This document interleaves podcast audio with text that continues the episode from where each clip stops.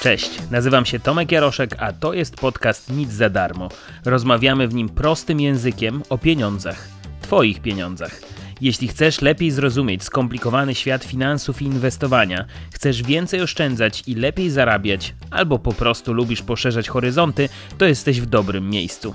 Znajdziesz mnie również na blogu i kanale YouTube'owym o nazwie Doradca TV.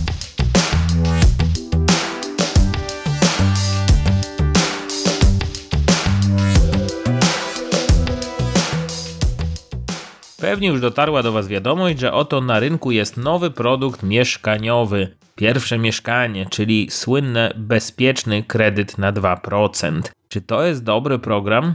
No, to zależy dla kogo, bo na pewno jest dobry dla banków, na pewno jest dobry dla deweloperów, no i na pewno jest dobry dla tych, którzy się na niego załapią. Cała reszta pewnie będzie niezadowolona i mógłbym zapełnić chyba cały podcast argumentami, dlaczego wiele osób ten program również wkurzy. Nie będę tu tłumaczył wszystkich szczegółów ustawy, bo to też nie jest super pomysł na formę podcastu. Umówmy się, że wyliczenia w takim formacie audio to nie jest super przyjemna sprawa, ale na pewno pokażę Wam szerszy kontekst blaski i cienie tej ustawy. Też taki big picture projektu y, pierwszego mieszkania. Będzie o nim głośno, już jest o nim głośno, a jeszcze przecież nie znamy finalnej formy, w jakiej wejdzie w życie.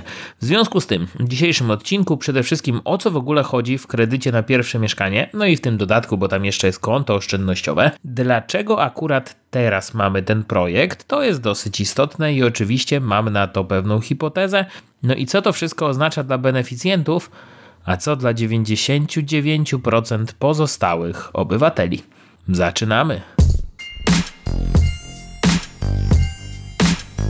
Nic za darmo. Zaprasza Tomek Jaroszek. Można powiedzieć, że rynek mieszkaniowy wszedł do wyborczego mainstreamu. Ludzi nie stać na kredyt, ceny mieszkań rosną jak szalone, nie żeby nie rosły od ostatniej dekady. Młodzi wyborcy zaczęli głośno krzyczeć, że tak nie może być. W końcu ktoś zauważył, że jest prawdziwy problem. No i super, trzeba coś z tym zrobić. I zrobiono. Dokładnie tymi samymi metodami, które przez wiele lat krytykowano, czyli bezpośrednie dopłaty do kredytów. To jest forma najłatwiejsza, no i co by nie mówić, sprawia, że chociaż mała część społeczeństwa jest zadowolona. Tak oto powstał bezpieczny kredyt 2%, czyli program Pierwsze Mieszkanie. I tu chyba złośliwie zadam pytanie, dlaczego to jest bezpieczny kredyt? To inne kredyty są niebezpieczne, ten 2% dopiero jest bezpieczny, a inne, co sprzedawane są cały czas w bankach, to są jakieś pułapki? Trochę nie lubię czepiać się nazw i takich małych szczegółów, ale y, tego typu komunikacja też nam czasami daje do myślenia, tak jakby y, tylko i wyłącznie oferta ze wsparciem rządowym była bezpieczna i dobra i w ogóle, a te inne miały ze sobą wbudowane różne ryzyka. Kredyt hipoteczny w Polsce zawsze miał ryzyka. Dopóki nie będziemy mieć kredytów o stałym oprocentowaniu zabezpieczanych przez banki w długim terminie, tak jak to chociażby ma miejsce w Stanach Zjednoczonych, no to do tego czasu kredyt zawsze będzie się wiązał z ryzykiem zmiany stopy procentowej i można powiedzieć kropka. No ale wiemy jak jest, y, przejdźmy zatem dalej, żebyśmy dokładnie wszyscy byli na tym samym poziomie, jeśli chodzi o to, o co w zasadzie jest cała dyskusja. Przypomnijmy, o co w ogóle chodzi w programie. Ja najpierw zacytuję obszerny fragment z serwisu bankier.pl, żebyśmy sobie dokładnie wszyscy y, zobaczyli, y, czy bardziej usłyszeli na własne ucho, niż zobaczyli na własne oko, o co chodzi w tej ustawie i nie było wątpliwości. Jest jedno ważne zastrzeżenie. To są warunki na tu i teraz. To nie jest jeszcze finalnie ten dokument, który przeszedł już całą drogę legislacji i dosłownie wchodzi zaraz w życie. Cały czas warto mieć to z tyłu głowy, że tu teoretycznie możliwe są zmiany i możliwe, że ten odcinek będzie miał swoją kontynuację na przykład za 2 czy 3 miesiące, zanim to wszystko wejdzie w życie z początkiem lipca tego roku. Przede wszystkim projekt zakłada, że kredyt 2% z dopłatą państwa będzie mogła uzyskać osoba do 45 roku życia, a jeśli kredyt udzielany jest obojgu osobom prowadzącym gospodarstwo domowe, no to wtedy warunek tego wieku będzie musiała spełnić przynajmniej jedna z nich. Kredyt może być udzielony tylko i wyłącznie na pierwsze mieszkanie. Osoby wchodzące w skład gospodarstwa domowego, kredytobiorcy nie będą mogły mieć w dniu udzielenia kredytu ani w przeszłości mieszkania, domu, ani spółdzielczego prawa do lokalu lub domu.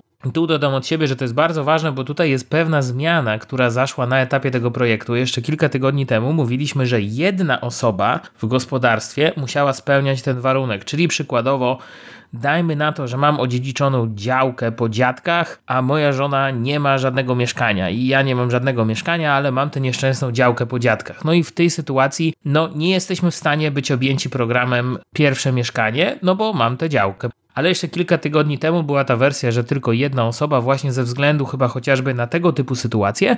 No ale już na ten moment chyba ministra zapowiedź też była taka, że jeśli gdzieś tam jest jakieś mieszkanie, jakaś nieruchomość, no to teraz taka para, taki związek małżeński ma tak naprawdę wybór, że ona może mieszkać w tej lokalizacji, czyli ja mógłbym zabrać teraz żonę i mieszkać na tej działce po dziadkach, nawet jeśli ona jest tysiąc kilometrów od mojego miejsca zamieszkania, teoretycznie mam taką możliwość więc zmieniono tę część ustawy no i w tej wersji, która teraz jest obradowana, dwie osoby nie mogą absolutnie mieć nic. Tam jest jeden oczywiście wyjątek, o którym sobie zaraz powiemy, ale lecimy dalej. Kwota bezpiecznego kredytu 2% nie będzie mogła przekroczyć 500 tysięcy złotych albo jeśli kredytobiorca prowadzi gospodarstwo domowe wspólnie z małżonkiem lub ma co najmniej jedno dziecko, to wtedy 600 tysięcy złotych i wkład własny nie będzie mógł być wyższy niż 200 tysięcy złotych. To w zasadzie zakłada bardzo jasną rzecz, 800 tysięcy złotych zł to jest maks, jeśli chodzi o cenę mieszkania, y, jaka może być w tej sytuacji kupiona. Dopłata do rat będzie przysługiwała przez 10 lat.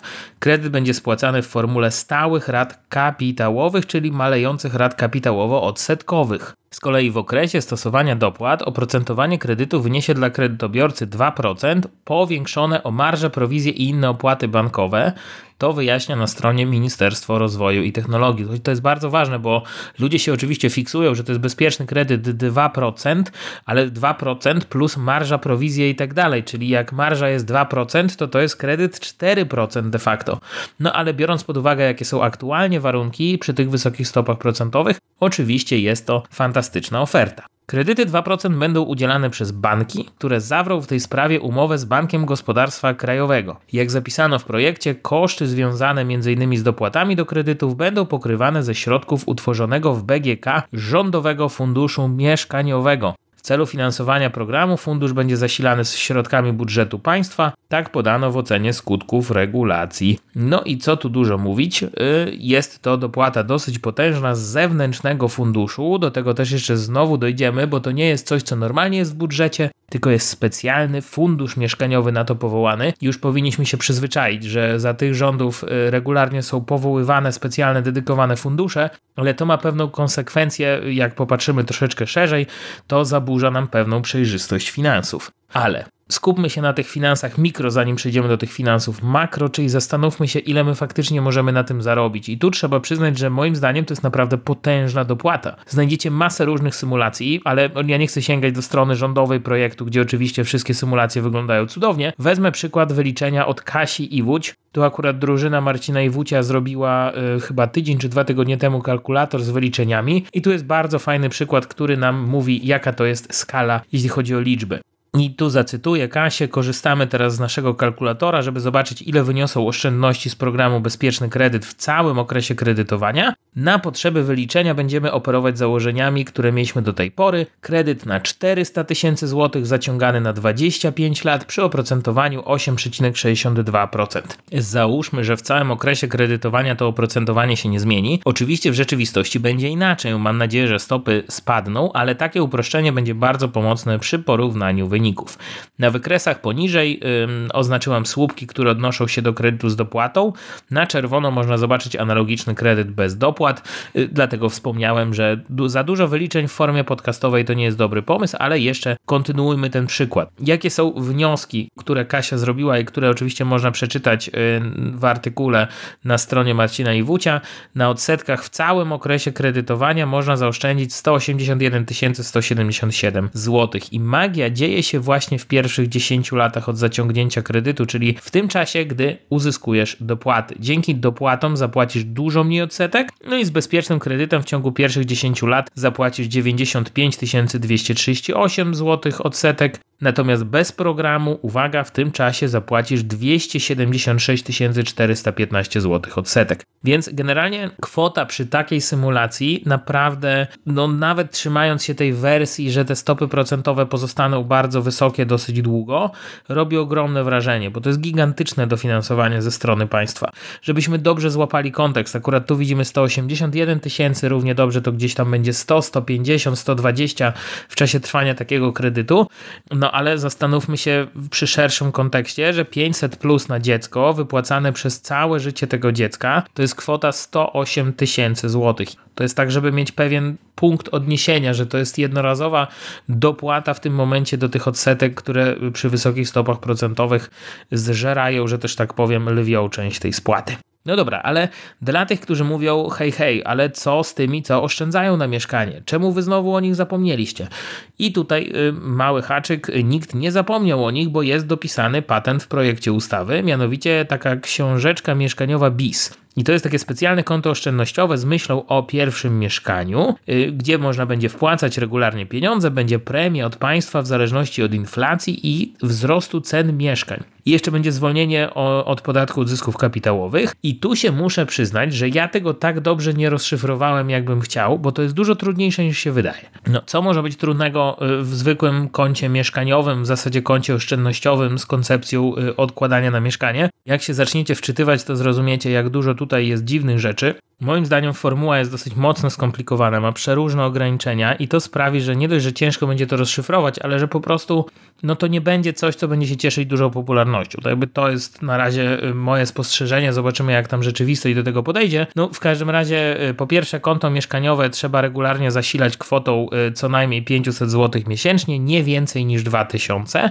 Konto może posiadać osoba w wieku od 13 do 45 lat, która nie posiada nieruchomości. Nie może mieć domu, nie może mieć mieszkania własnościowego, spółdzielczego, nic oczywiście. I teraz uwaga, bo jest oczywiście wyjątek, dlatego wspomniałem, że to się robi coraz trudniejsze. Prawo do założenia konta będzie też miała osoba mająca własną nieruchomość, jeśli mieszka w niej z co najmniej piątką dzieci. Dlaczego akurat piątką? Pojęcia nie mam. Można jednej wpłaty w roku w ogóle nie zrobić, więc y, media wyliczają nie 12 wpłat, a 11 wpłat zamiast 12. Ale jak się wczytacie dalej, to teraz uwaga. Niektórzy rodzice posiadający nieruchomość też mogą założyć konto mieszkaniowe, ale tu już pojawią im się ustawowe limity metrażowe z kolei, których wcześniej nie było w innej ustawie, bo tam metraż się nie liczy przy kredycie. Mm, I tak prawo do konta będą mieć mieszkający we własnej nieruchomości nie większej niż 50 m2 ale jeśli są z dwójką dzieci. A przy trójce dzieci to ten sam metraż rośnie w ustawie do 75 m2. A jak się ma jeszcze jedno dziecko, czyli ma się całą czwórkę, to 90 m2.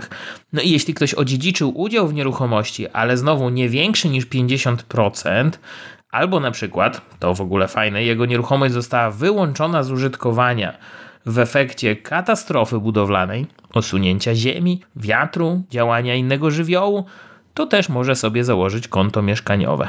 Koniec końców, to jest moim zdaniem trochę zbyt skomplikowane i masa ludzi na tym etapie odpadnie, nawet jeśli wyliczenia będą sugerowały, że się opłaca, a pewnie będą, bo rekompensata inflacji, no jeszcze ze zwolnieniem z podatku, tak jakby siłą rzeczy, y, pewnie matematycznie będzie za tym przemawiać, że, że ma to sens.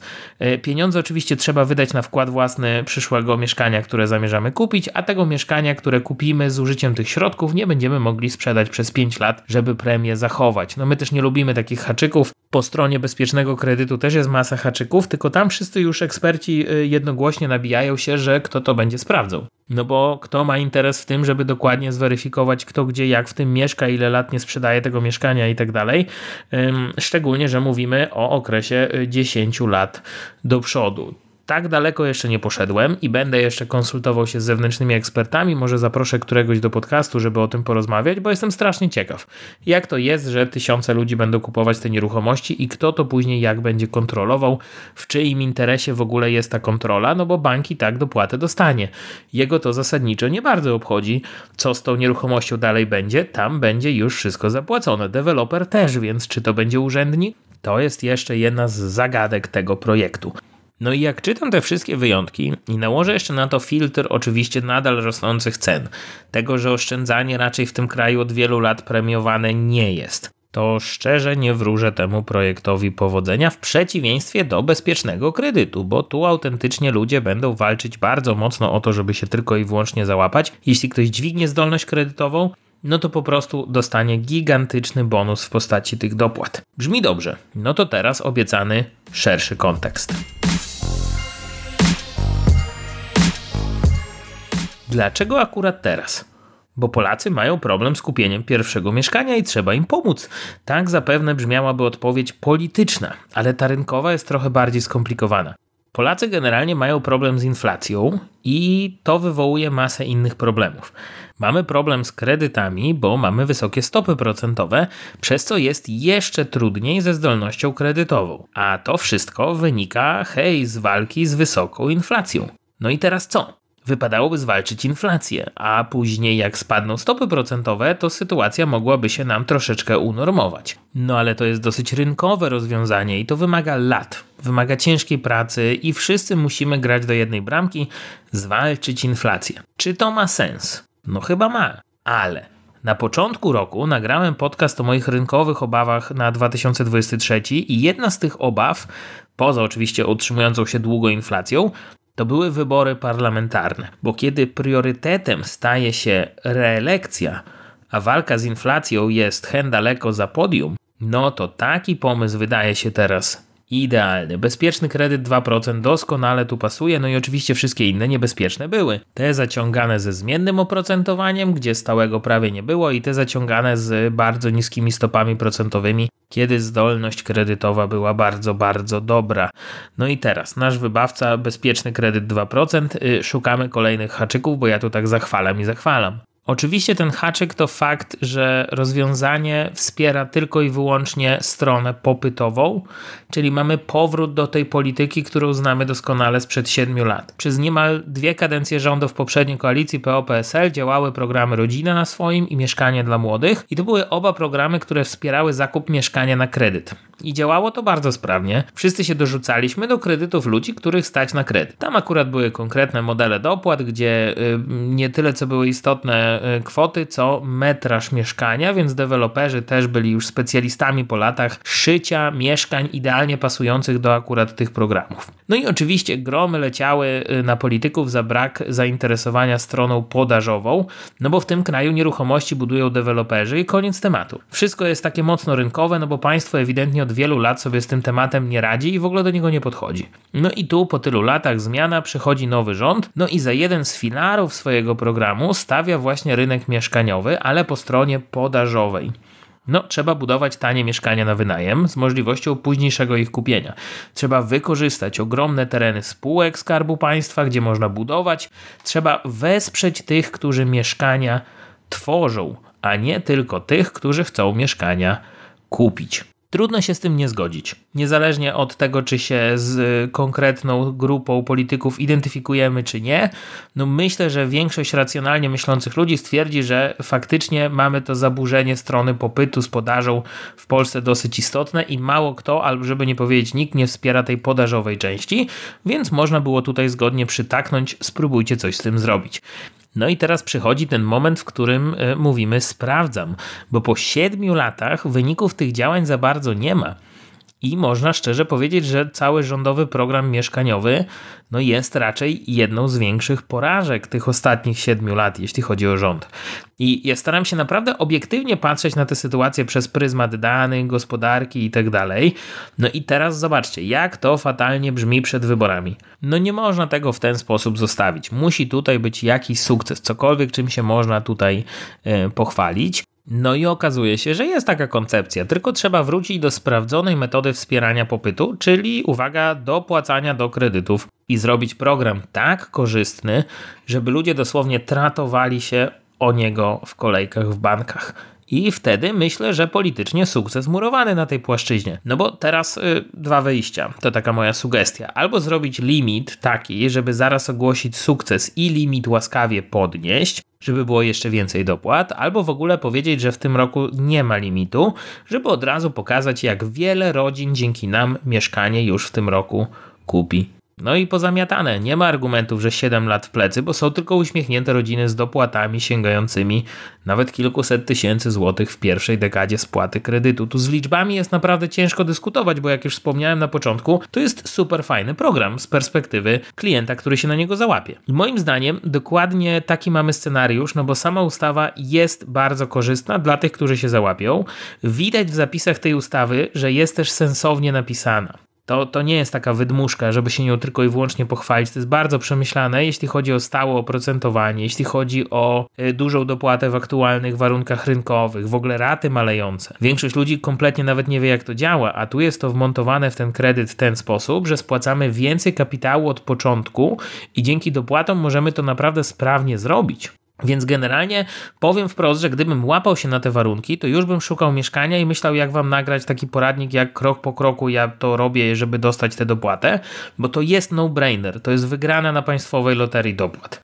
I szczerze każdemu polecam, jeśli łapie się na warunki tego programu, to niech śmiało korzysta. Ja bez wątpienia będę jeszcze czekał na finalne warunki ustawy, bo jeśli coś by się tutaj zmieniło, i może jakieś warunki by jednak tak uległy zmianie, że mógłbym skorzystać z tego programu, to jeszcze może taki poradnik dostaniecie. Czemu by nie? No teraz są chyba e, konsultacje społeczne, więc też e, będą te wszystkie sytuacje, o których tutaj symbolicznie wspomniałem, że ktoś mógł coś odziedziczyć i w tym momencie jest wyeliminowany, a naprawdę bardzo by chciał mieszkanie, bo nie ma po prostu gdzie mieszkać. Może e, na etapie konsultacji społecznych będą tu jeszcze jakieś wyjątki dopisane, więc warto jest tą sprawą się zainteresować. much. No i znowu wyszło, że zachwalam, a miało być o haczykach. E, haczyk jeszcze jeden jest taki, że nijak ma się to oczywiście do wspierania strony podażowej, bo to jest e, bardzo jednostronne. Zarobią na tej ustawie banki bez wątpienia, bo one i tak ten kredyt w całości e, dadzą temu klientowi. No i oczywiście tam będzie zachowana marża, na której ten bank doskonale zarobi, tylko po prostu mm, dopłata będzie ze strony innej niż ten klient bezpośredni. Zarobią na tym deweloperzy. No i zapłacą za to klasycznie podatnicy, więc mamy poniekąd powtórkę z rodziny na swoim i mieszkania dla młodych w nieco innej formule, wykorzystującej trochę to, jakie paskudne mamy warunki, jeśli chodzi o wysokie stopy procentowe. Ta formuła dopłat też nie będzie już taka niesamowicie fajna w momencie, kiedy stopy procentowe zaczną spadać, więc ona tu i teraz matematycznie jest fantastyczna, ale gdybyśmy mieli dużo niższe stopy, no to rynkowo 2% plus marża 2%, i te 4%, no to przy dzisiejszych 8,5 ogromna różnica, ale gdyby tam było 5 albo 4,5, no to ta dopłata też wydawałaby się symboliczna, więc wydaje mi się, że trochę w ten scenariusz może iść w tym momencie państwo, że za parę lat y, pieniądze na te dopłaty będą po prostu dużo niższe, no bo zmienią nam się y, warunki rynkowe. Mały haczyk jest oczywiście taki, że to nadal jest mieszkanie dla tych, których stać poniekąd na mieszkanie, no bo nadal trzeba złożyć wniosek o kredyt, nadal trzeba mieć wyliczoną zdolność kredytową, nadal trzeba ten kredyt dostać, więc to w żaden sposób nie otwiera rynku mieszkaniowego dla tych, których na ten kredyt nie stać. To po prostu ułatwia trochę kwestię tych spłat i daje ogromny bonus, no ale nadal musimy pożyczyć od y, banku pół miliona i być tacy fajni, że nam bank pozwoli takie duże pieniądze wziąć przykładowo. No niestety to jest program, który wspiera wzrost cen mieszkań. To myślę, że nie trzeba mieć jakiejś wielkiej wiedzy ekonomicznej, żeby to zrozumieć. Jeśli wspieramy stronę popytową, to oczywiście ten system musi w ten sposób zadziałać. Zobaczymy to pewnie niedługo u deweloperów. Oni będą szyć mieszkania pod program, takie bardziej można powiedzieć okrągłe kwoty, może niekoniecznie tak jak kiedyś pod ten metraż idealnie, no ale tu mamy jasno wyliczone nasze maksymalne ramy, czyli 200 tysięcy wkładu własnego i 600 lub 500 tysięcy kredytu maksymalnie więc dosyć duże pole do popisu. Mieszkania za 700, za 800 tysięcy w większych miejscowościach do maksa dokręcone, w mniejszych miejscowościach pewnie proporcjonalnie mniej. No ale to będzie oczywiście wspierało y, wzrost cen tych mniejszych mieszkań, które będą się łapać w ten limit. No, drugi haczyk to jest wspomniana albo zapomniana, jak to woli, walka z inflacją. Cały ten program to jest jeden wielki czynnik proinflacyjny, będący w sprzeczności do podnoszenia stóp procentowych. Żebyśmy się znowu dobrze zrozumieli, już to nieraz pokazywałem, że y, u nas to nie jest tak, że wszyscy grają do jednej bramki, a szczególnie w roku wyborczym każdy gra do swojej bramki.